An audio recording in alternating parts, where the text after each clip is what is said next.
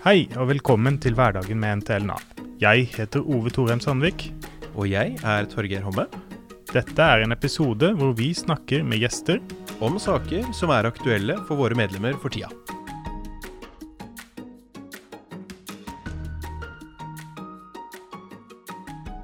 Du Torgeir, dette koronaviruset har eh, skapt en veldig spesiell situasjon for oss i arbeid og ytelser. Har det vært eh, like spesielt for hele Nav? Ja, eh, hjemmekontor, massivt med overtid. Det har prega mange Nav. Eh, men det er kanskje ansatte ved Nav kontaktsenter, i tillegg til dere i arbeid og ytelser, som har tatt eh, mesteparten av støyten. Ja, Såpass, ja. Ja, Godt det har roa seg litt, da. For det har roa seg, ikke sant? Ja, vi er fortsatt inne i en ganske intensiv periode, tror jeg vi må si. Ja, Hvordan blir det fremover da? Du spør og spør, du Ove. Jeg tror vi trenger flere hoder til å gi gode svar.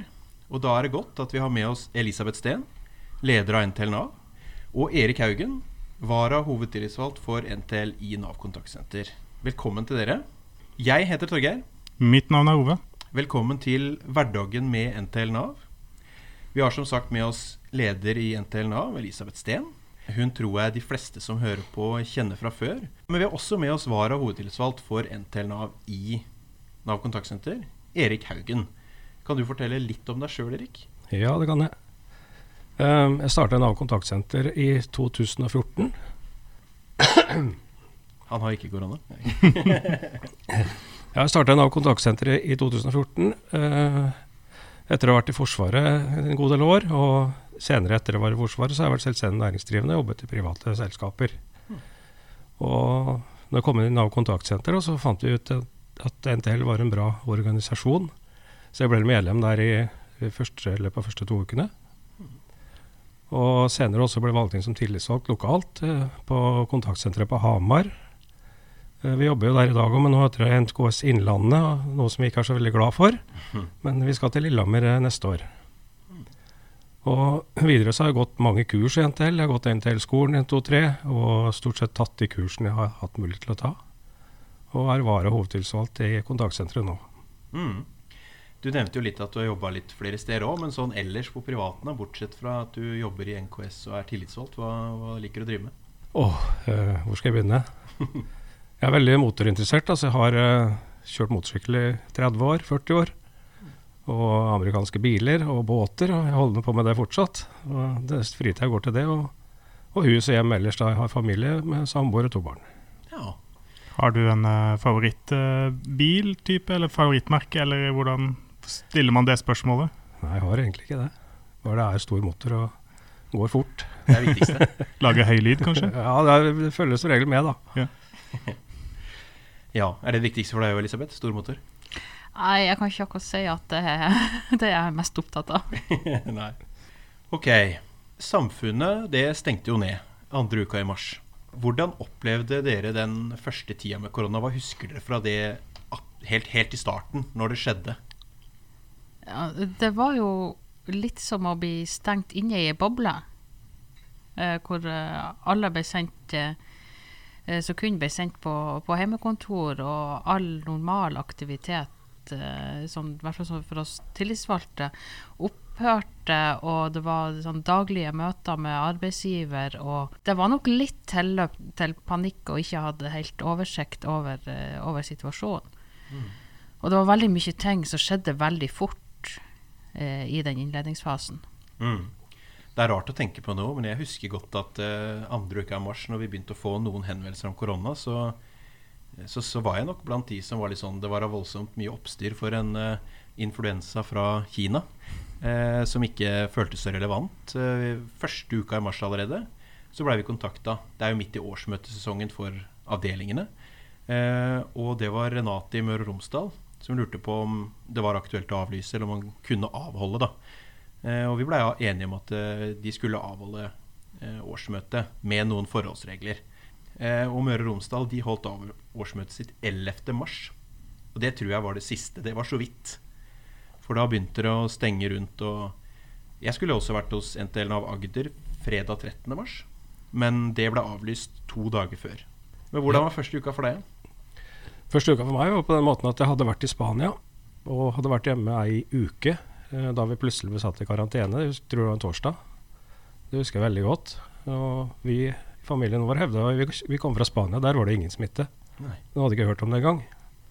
Så vi lurte på hva dette var for noe. Men etter hvert så fikk vi jo tall derfra som så helt annerledes ut. Men jobbmessig så merka vi ikke så mye i starten. Vi var bl.a. samla, jeg husker ikke datoen, men det var i mars. Hele ledelsen i noe kontaktsenter og hovedtillitsvalgte var samla på Gardermoen, på et hotell. Men vi oppdaga at det var ingen andre gjester der. Det var bare oss. så skjønte vi litt av uh, alvoret. Det var jo en del ting uh, og ordninger som måtte på plass hos oss. Det var jo det. Sånn var det hos oss òg, Elisabeth. Du var litt inne på det, hvordan de første ukene var. Vi, vi møtte arbeidsgiver mye, og det var en del ting som, uh, som måtte på plass. Ja, og Det var jo daglige møter med, med arbeidsgiver, informasjon fra kriseledelsen, og det gikk jo veldig mye på, på rene informasjonsmøter, men også ting som måtte drøftes. Overtidsbruk.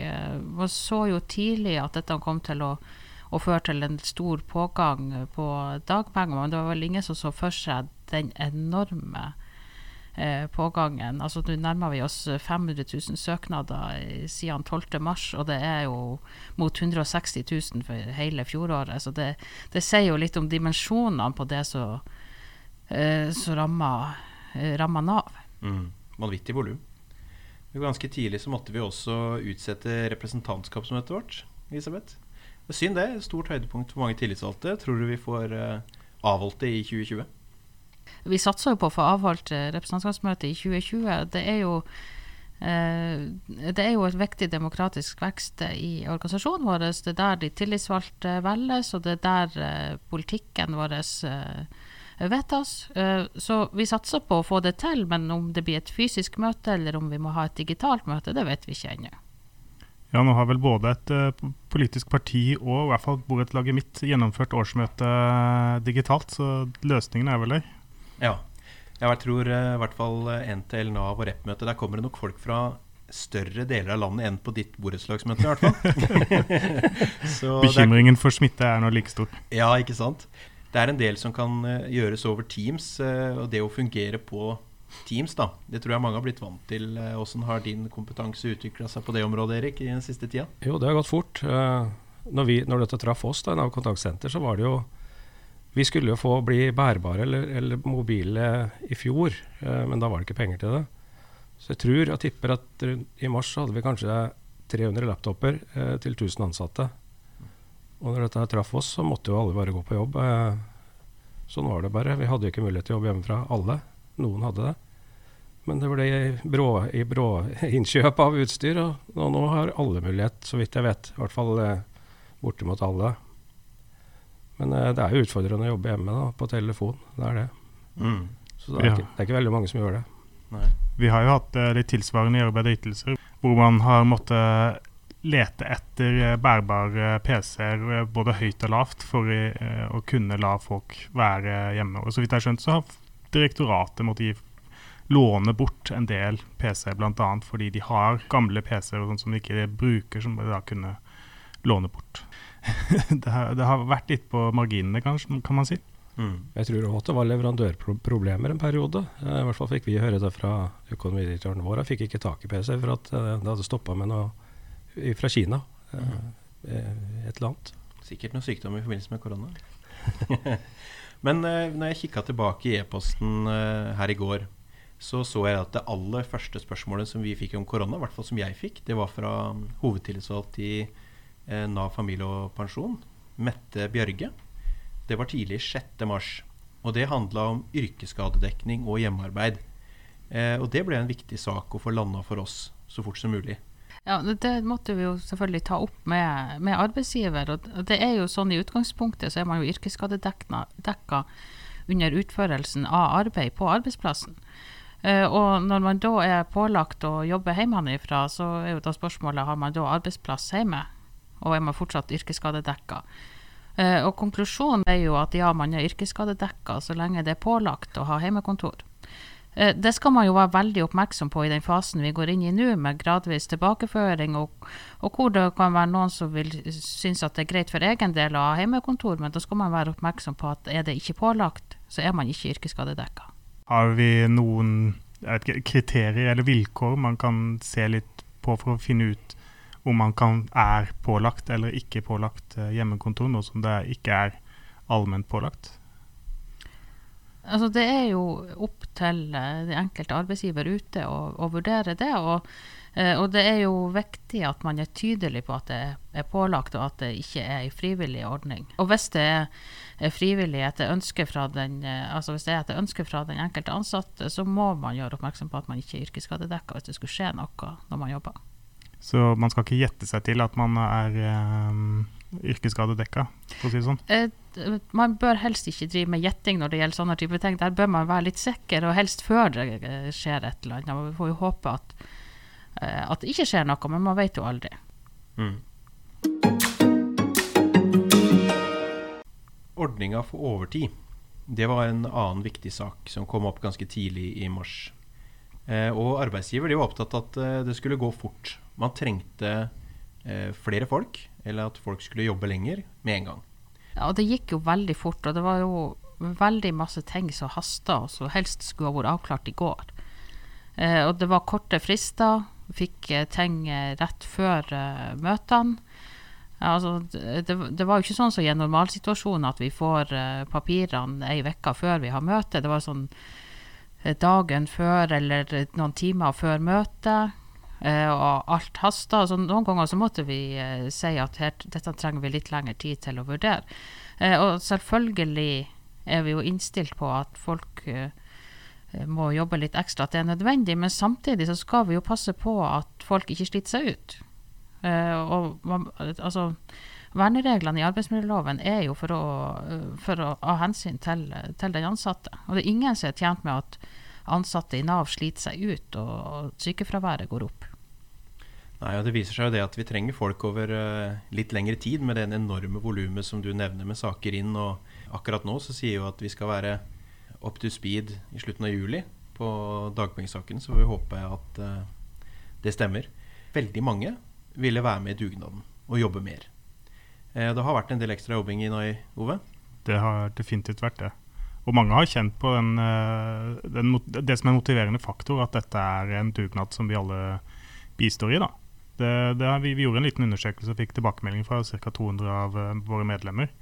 Uh, hvor flere kjente at dette her gikk Dette her var noe de ønska å gjøre for å få unna, sånn at folk fikk det, de ytelsene de, de, hadde behov for. Mm. Hvordan reagerte de ansatte i Nav kontaktsenter Erik, når korona smalt og det viste seg å få konsekvenser for, for lønna til veldig mange nordmenn? Nei, det er litt spesielt. Men vi oppdaga det fort at uh, det kom fryktelig mye penger fra et eller annet sted. Og vår arbeidsgiver sa det at nå må vi ha 300 nye ansatte, og dere kan jobbe overtid som dere vil. Så det er litt spesielt å ha, for oss tillitsvalgte å ha en holdning til at vi egentlig ikke skal jobbe særlig overtid. Til å, at det er fri flyt, da, for det er det jo, uh, mer eller mindre. Mm. Så det er egentlig en litt rar situasjon. Mm. Men vi i NTL var veldig skeptiske til antallet, at de skal ha 300 nye. Vi syns det hørtes innmari mye ut, og det, det, ser ut som det er mye foreløpig, da. Ja. Uh, for nå har vi ansatt 110. Får vi se hvordan det går. Ja. Hvordan er det med plass og sånt hos dere da? ja, det er et godt spørsmål. For de fleste hos oss jeg jobber på kontoret fortsatt. Noen er i full bemanning, har var helt vanlig bemanning på kontoret som før. Mens noen enheter har tatt uh, smittefaren veldig alvorlig og delt opp avdelinger og hatt folk hjemme. og Så ble det gjort veldig forskjellig. Så vi har hatt en runde med tillitsvalgte nå. Det, det med tilbakeføring til arbeidsplassen gjelder jo ikke alle, for vi har jo vært der hele tida, en del av oss. Ja, vi fikk jo en del uh, nye ansatte og i arbeid og ytelser også, uh, for å ta unna enda flere dagpengesaker. Og det har jo vært uh, Altså, jeg, jeg, tok en tur innom det kontoret for å se hvordan, om, om reglene ble ivaretatt. da. Kan, altså, de ble vel ivaretatt akkurat på håret. Det var, det var ikke mer enn nødvendig plass mellom de. Men det så ut som de hadde, det, hadde ting under kontroll, og de ble informert på en god måte. Mm. Hvis vi snakker om to meter, så har, har nok ikke vi hatt eh, kanskje noen, men én meter er vel eh, sånn noenlunde, da. Hmm. Det med to meter kommer vi straks tilbake til. Men jeg vil bare ja. spørre Elisabeth uh, først, som har liksom oversikten over totalen.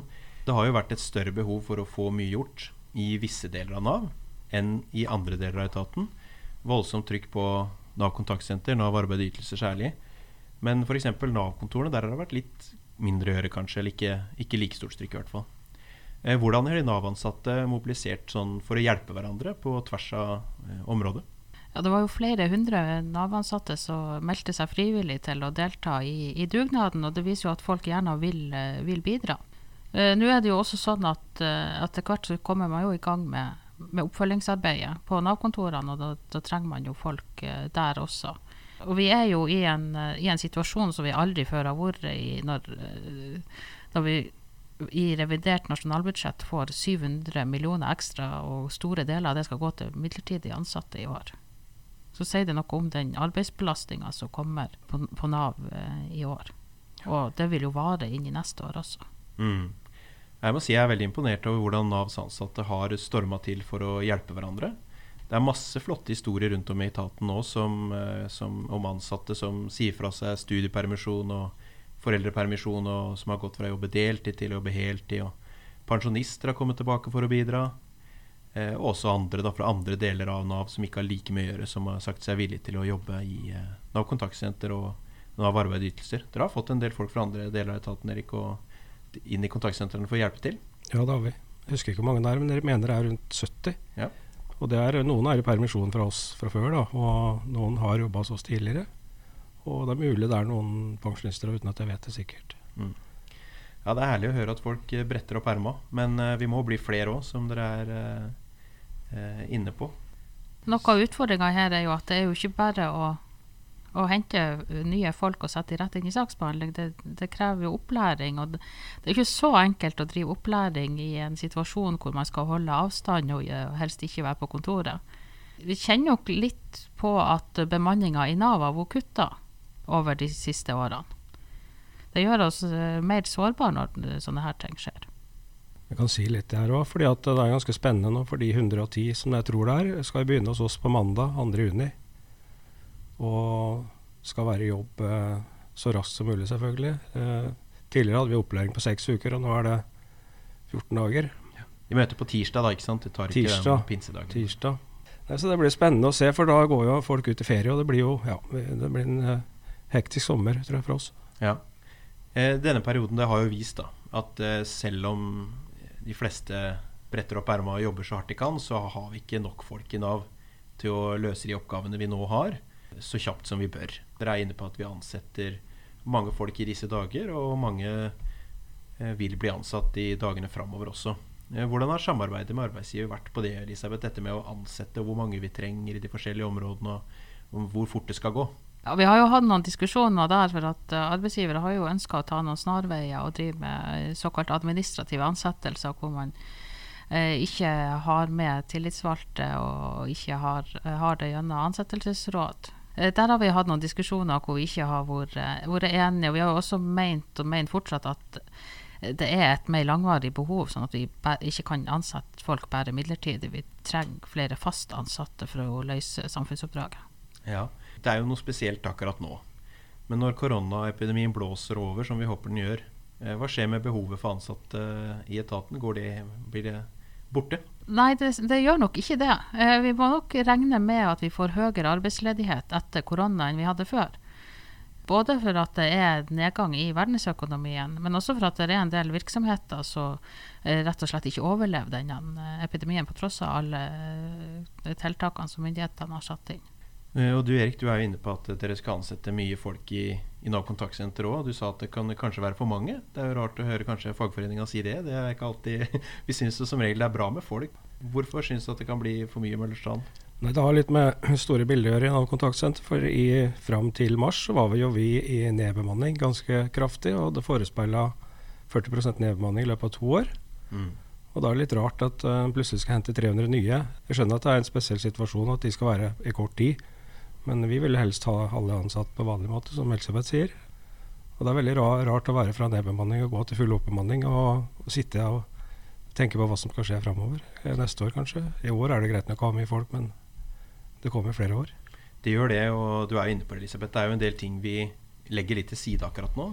Ledigheten kan bli lang over lengre tid, og det vil være viktige områder som eh, det kommer til å være stort trøkk på lang tid framover.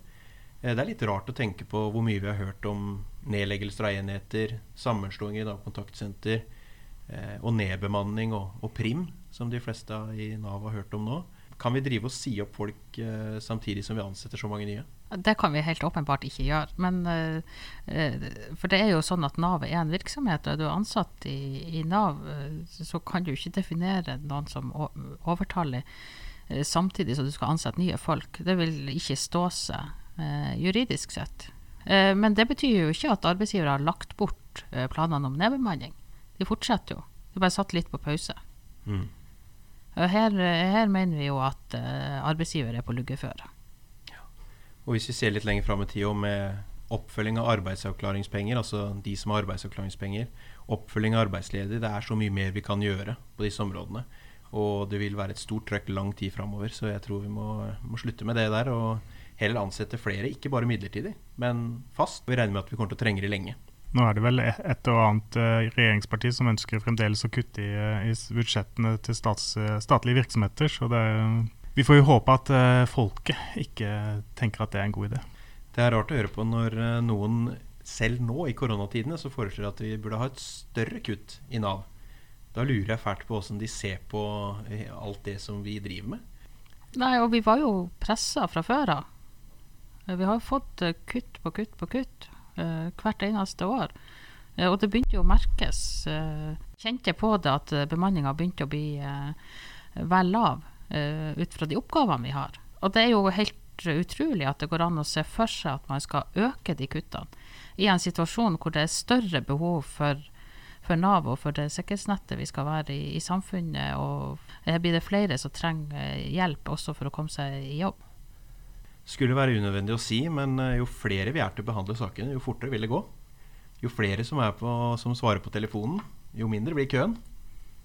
ja, og det er jo det vi blir målt på. Uh, vi blir målt på alt, men uh, hovedtyngden skal være på ventetid på telefon.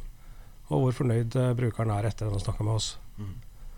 Det der tenkte jeg å spørre om, Erik. Hvordan er det å jobbe i, i Nav kontaktsenter akkurat nå? Har det vært noe endring fra for å si en måned siden? Er, det, er folk stadig like tålmodige og, og, innstilt på at ting tar lang tid, og skjønner det, eller? Ja, men alle som hører på, vi som sitter her, skjønner vel at det er i ferd med å snu nå. fordi at i starten så var folk veldig fornøyd med å få Regjeringa gikk ut på TV og i alle aviser og sa de skulle få dagpenger, de skulle få det ene etter det andre. Men så var ikke systemene på plass. og I starten gikk det greit. Da var de tålmodige og prata fint, men nå begynner det å dreie litt. Til å alle venter på penger. Noen er blakke. Noen lurer på hvorfor de ikke får penger. Hvorfor sies det og det, og vi klarer ikke å overholde det som blir sagt.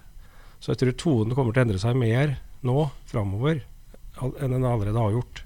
Ja, og det er, jo, det er jo sånn at i en normalsituasjon så bruker man jo flere år uh, før man vedtar en lovendring. Man utreder ting, og man har det på høring osv. Her ble det jo gjort en del vedtak i Stortinget, uh, såkalt anmodningsvedtak, så da selvfølgelig ga noen forventninger hos innbyggerne, helt naturlig. Uh, og hvor det tar tid å Eh, fra man har gjort et vedtak på Stortinget og til det er mulig å utbetale penger til folk. De vedtakene gikk jo litt langt. Eh, på noen områder så kunne det til forveksling være så, uh, ligne på at politikerne mente at de skulle få vann til å renne i oppoverbakke. Og ja, vi klarer til og med det, men det tar litt tid. En ting som uh, ikke har gått så bra, det er vel den ordningen med lønnskompensasjon uh, for dag 3 til 20. Som, som er jo en helt ny ytelse, og som politikerne vedtok uten kanskje å tenke hva det innebar. Og så sa vel Nav også påsto vel at det, vi skulle få til å få den opp og gå ganske fort. Og det, den er jo fortsatt ikke oppe. Og det fører til eh, en del frustrasjon. Eh, hva tenker du Elisabeth? Var det mm, Nav som eh, var litt for optimistisk, eller var det politikerne som eh, vedtok ting som de ikke hadde helt oversikt over konsekvensene på? Ja, Det er nok en god eh, blanding her. Politikerne gikk langt i å vedta nye ordninger. Eh, og det er jo mulig å forstå hvorfor det ble sånn. Og så eh, var kanskje ikke Nav tydelig nok på hva som er mulig å få til innenfor eh, en rimelig eh, tidsramme. Og så var man litt optimistisk på hva som gikk an. Både av, av forenkling av regelverk og automatisering. Mange av våre medlemmer som mener at Nav burde vært på banen i media og sagt litt imot dette her, eller prøvd å forklare virkeligheten, da, sånn det er for oss. Men når det er sagt, så er det mange skjær i sjøen Da. Jeg jobber med internasjonale brukere på telefon. Og den digitaliseringa som vi har, det, det, fungerer ikke for de, for de har ikke bank-ID. Mm. Men nå skal det åpnes en mulighet for at min, min ID skal kunne brukes for å sende søknader osv. Og, så og logge seg på nav.no. Men ellers vil jeg jo si at uh, en av de andre nye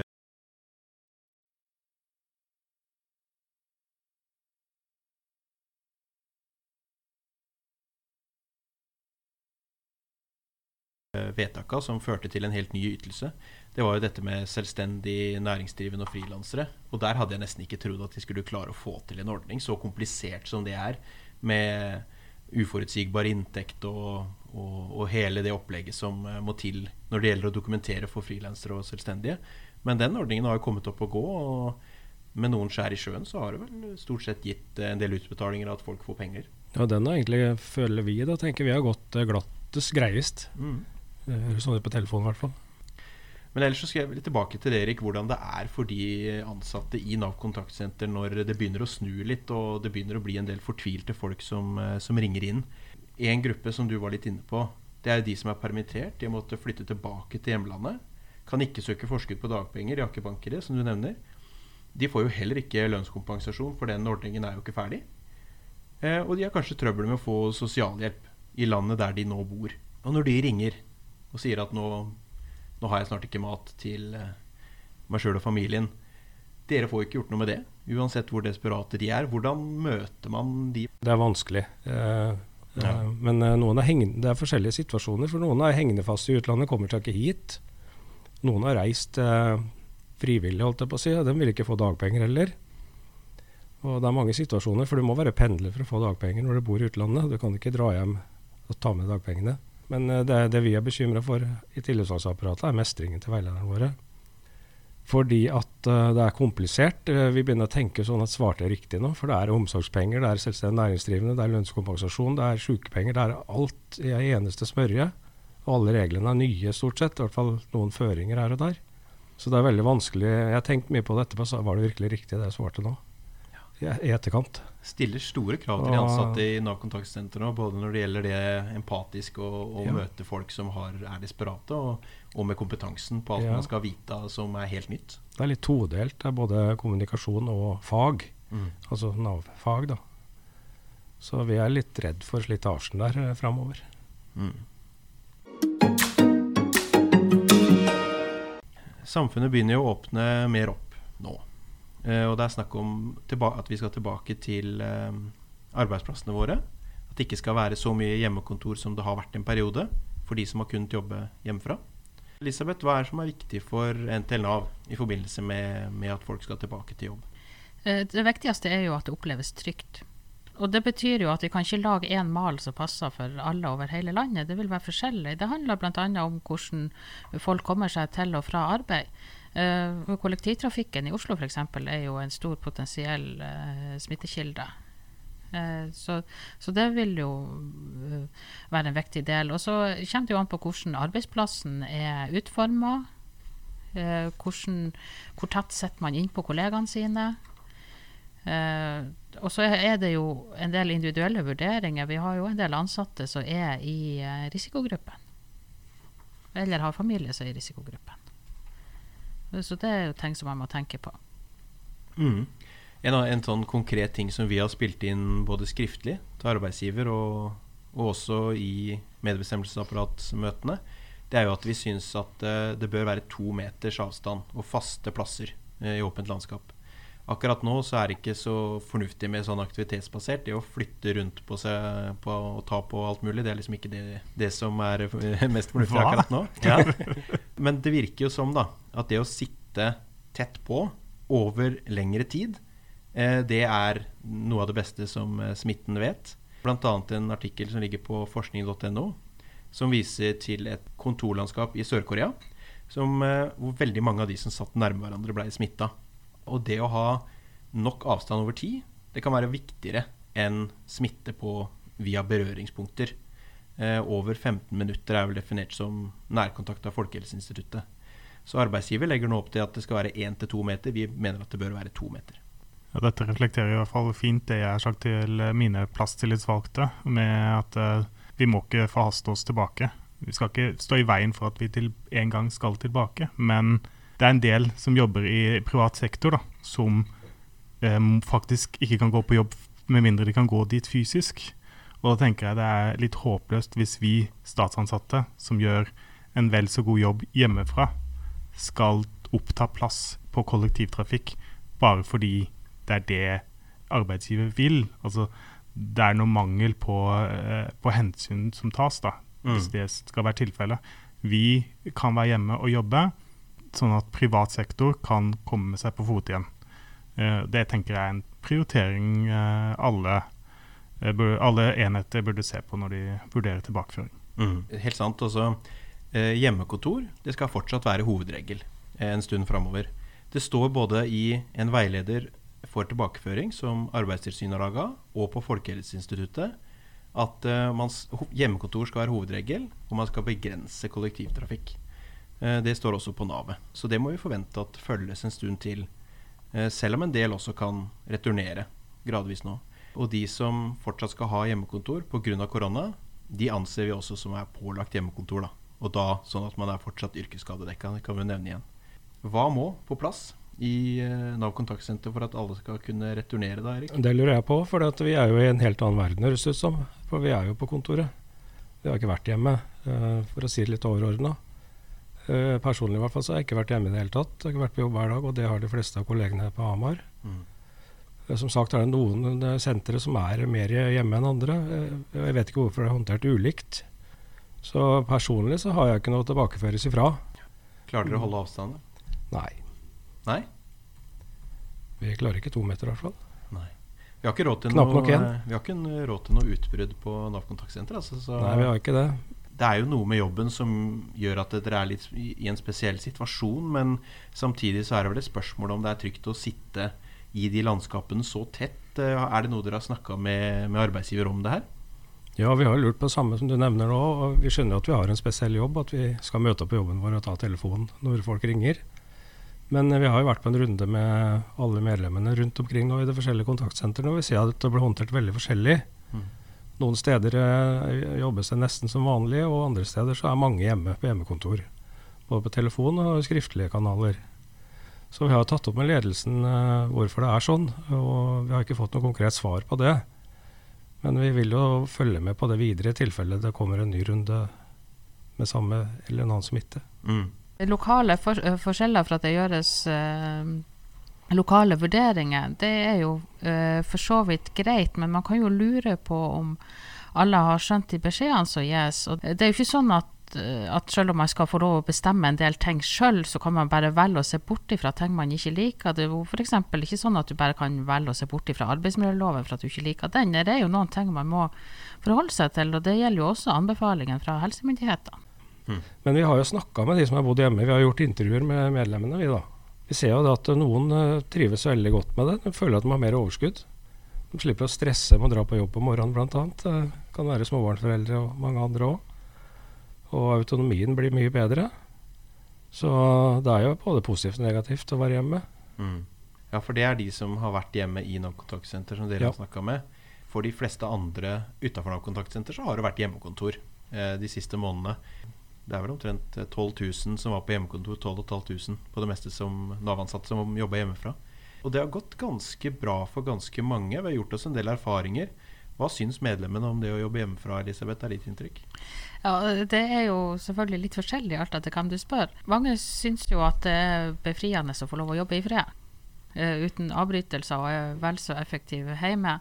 Så er det jo, selv om eh, folk har fått hjem eh, skjermer og stoler og sånt, så er det jo utfordringer med ergonomien. Og over lang tid så er det ikke noen god situasjon å jobbe hjemmefra. Og for en del er det jo direkte utfordrende å bare gå hjemme og ikke se folk. eh, Kanskje spesielt for folk som bor alene også. Altså, I den undersøkelsen som vi gjorde, så, så er jo akkurat dette funnet. ikke sant? Noen bare Jeg vil jobbe hjemme på hjemmekontor for alltid. Eh, og så er det de som vil tilbake. Savner det sosiale med en gang. Og jeg tenker det Koblingen mellom det, de, de introverte og de ekstroverte her er veldig tydelig. De som er introverte, setter pris på jobb hjemme. De som er eh, ekstroverte, de vil gjerne ha tilbake på kontoret med en gang. Opplevelsen er veldig forskjellig, men folk opplever mer tid.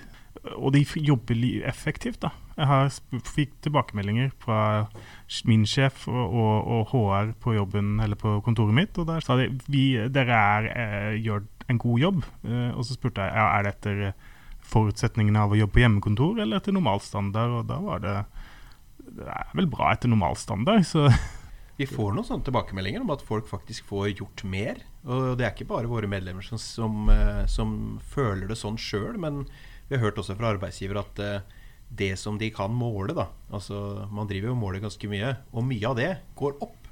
Altså vi får faktisk gjort uh, mer hjemme. Det betyr ikke nødvendigvis at vi skal ha bare hjemmekontor framover, men det er jo litt sånn interessant eksperiment når det gjelder dette med kontroll. da at uh, det kan nesten virke som at folk jobber selv om uh, ikke arbeidsgiver står og peser i nakken. Det kan måtte bety at vi bør satse på autonomi framfor kontroll framover. Ja, du snakker om uh, statistikk og sånn her, og det er interessant at vi hadde ganske høyt sykefravær. Nei, vi hadde veldig høyt sykefravær i vinter, og det er jo stupt nå. Og det er mange årsaker. Kanskje noen føler at de vil ta et ekstra tak og gjøre litt ekstra i den situasjonen vi er i, eller så er det hjemmekontor som skjuler sykdommer. Tilrettelegging, uh, det vet vi ikke. Mm. Men i hvert fall så har sykefraværet gått kraftig ned de siste to månedene, og det, det er jo litt rart. Ja, altså En ting som man kan måle, er jo sykefraværet, og egenmeldingen har vel nesten bare nesten så godt som forsvunnet. da. Det kan tenke meg bli en større diskusjon, for det, er det sånn at folk jobber når de er syke nå, eller er det hva er det er? Eller er det at man folk eh, blir syke av å måtte møte på Navs, lokaler? Ja. Det får vi jo ikke håpe, og hvis det er sånn, så bør vi definitivt gjøre noe med det. Men vi må se på dette, er helt enig. Sånn, eh, hva betyr det?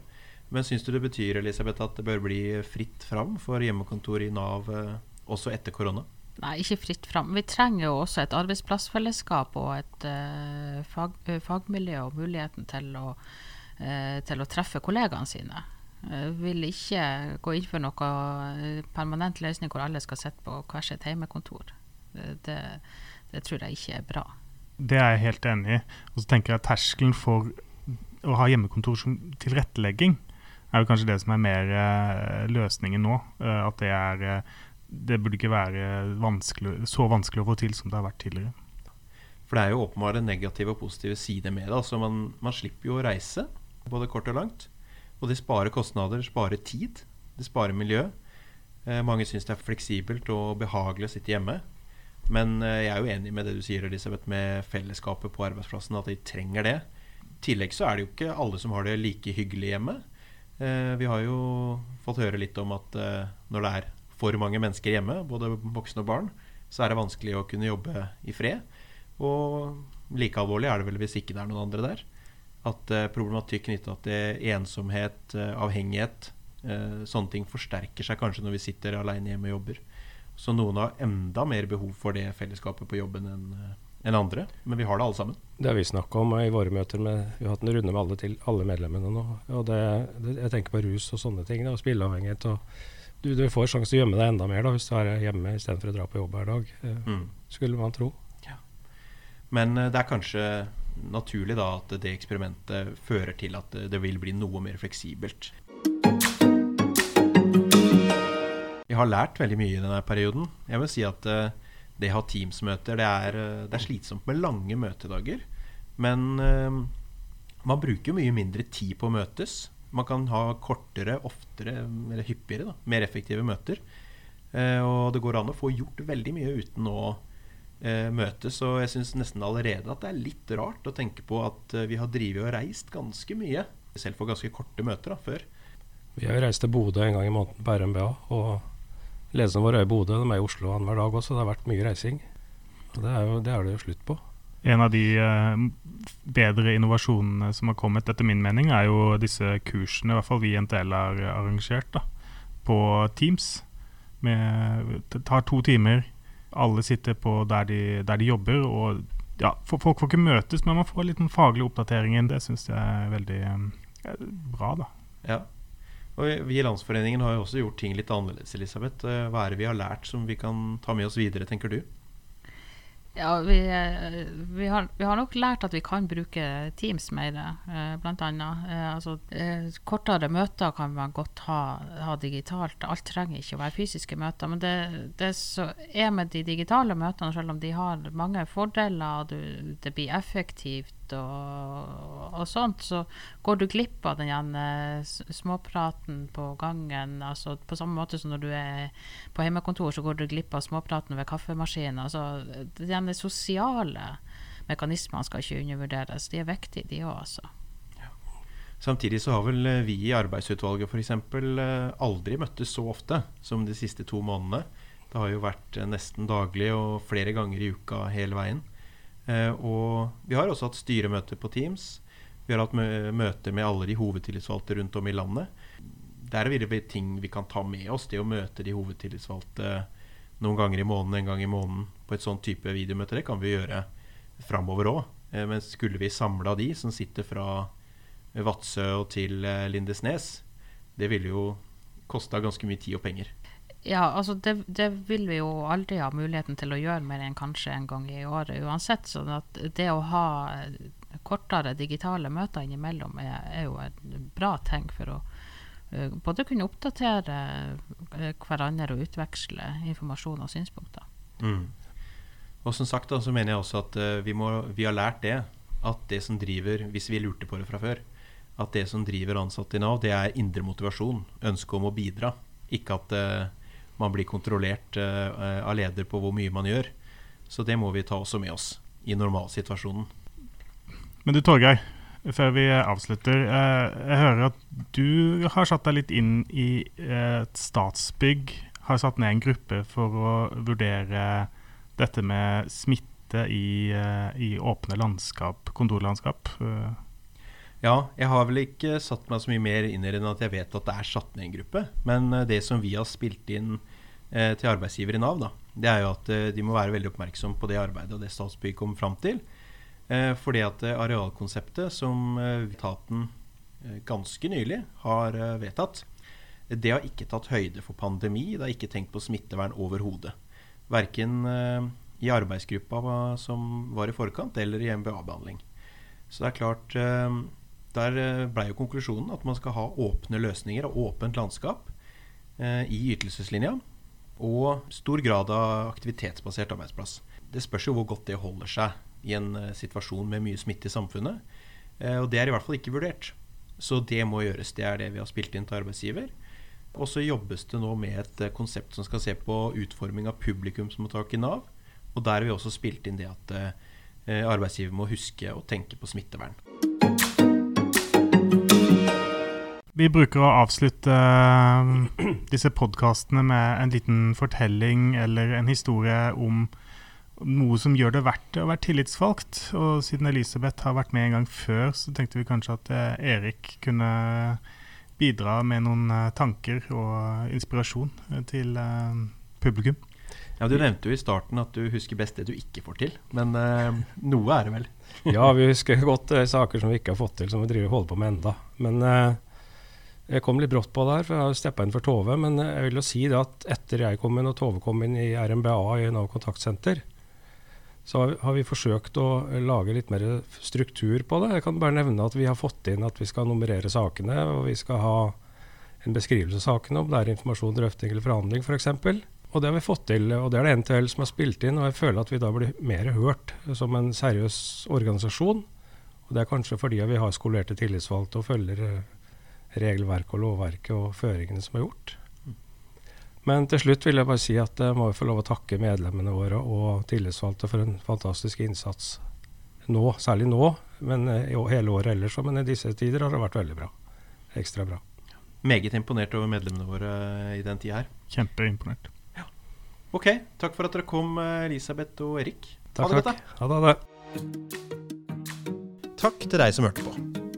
Hvis du har spørsmål eller kommentarer, Ris eller ros, så er vi veldig takknemlige om du sender en e-post til torgeir.homme alfakrøll nav.no.